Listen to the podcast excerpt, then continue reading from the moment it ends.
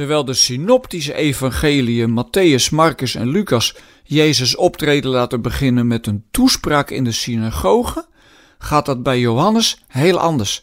We zijn bezig met wat overdenkingen over verhalen die alleen Johannes heeft. En de bruiloft te Cana is zo'n verhaal. Het komt bij de andere evangelieschrijvers niet voor. Maar het is wel feest. Hier is nog geen sprake van een conflict met de Joodse leiders, terwijl het evangelie van Johannes dus juist het sterkste anti-Joodse is geschreven. Dat is iets anders dan antisemitisch, hè?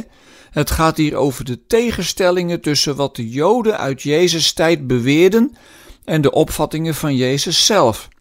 Johannes is het meest zwart-wit in die verschillen. Hij zegt recht voor zijn raap: of je leeft in het licht, of je leeft in de duisternis. Klaar uit. Maar in het verhaal van de bruiloft in Cana is dat nog niet zo scherp. Het is wel een verhaal waarin de mensen er niets van begrijpen wat er gebeurt. Dat heeft Johannes ook wel vaker. Je zult maar ceremoniemeester zijn op de trouwerij van je vriend en de wijn is op. Dan probeer je snel iets achter de schermen te regelen. Maar dat gebeurt hier dus niet. En Jezus grijpt deze gelegenheid aan om te laten zien hoe groot en machtig hij was. Dat wordt ook in het verhaal verteld.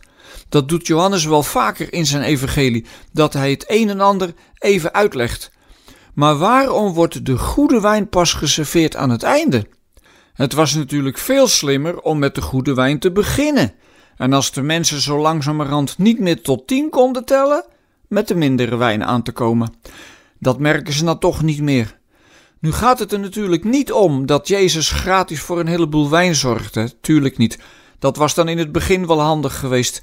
Maar misschien komt hier juist vooral naar voren dat wat Jezus te bieden heeft van een levenskwaliteit is waar niets tegenop kan. De wijn als symbool van het leven kan dus niet beter zijn dan wanneer Jezus hem geeft. En hij vertelt ons daarmee ook dat met hem het feest doorgaat en niet hoeft te stoppen. Als jij aan het einde van je Latijn bent en gefrustreerd omdat je het gevoel hebt dat je niet verder kan, biedt Jezus je een heel nieuw begin aan.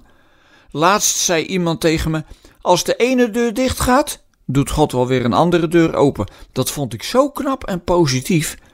En misschien vinden we daar wel iets van in dit mooie verhaal. Als jouw voorraad levenswijn op is, dan begint het met Jezus pas echt goed.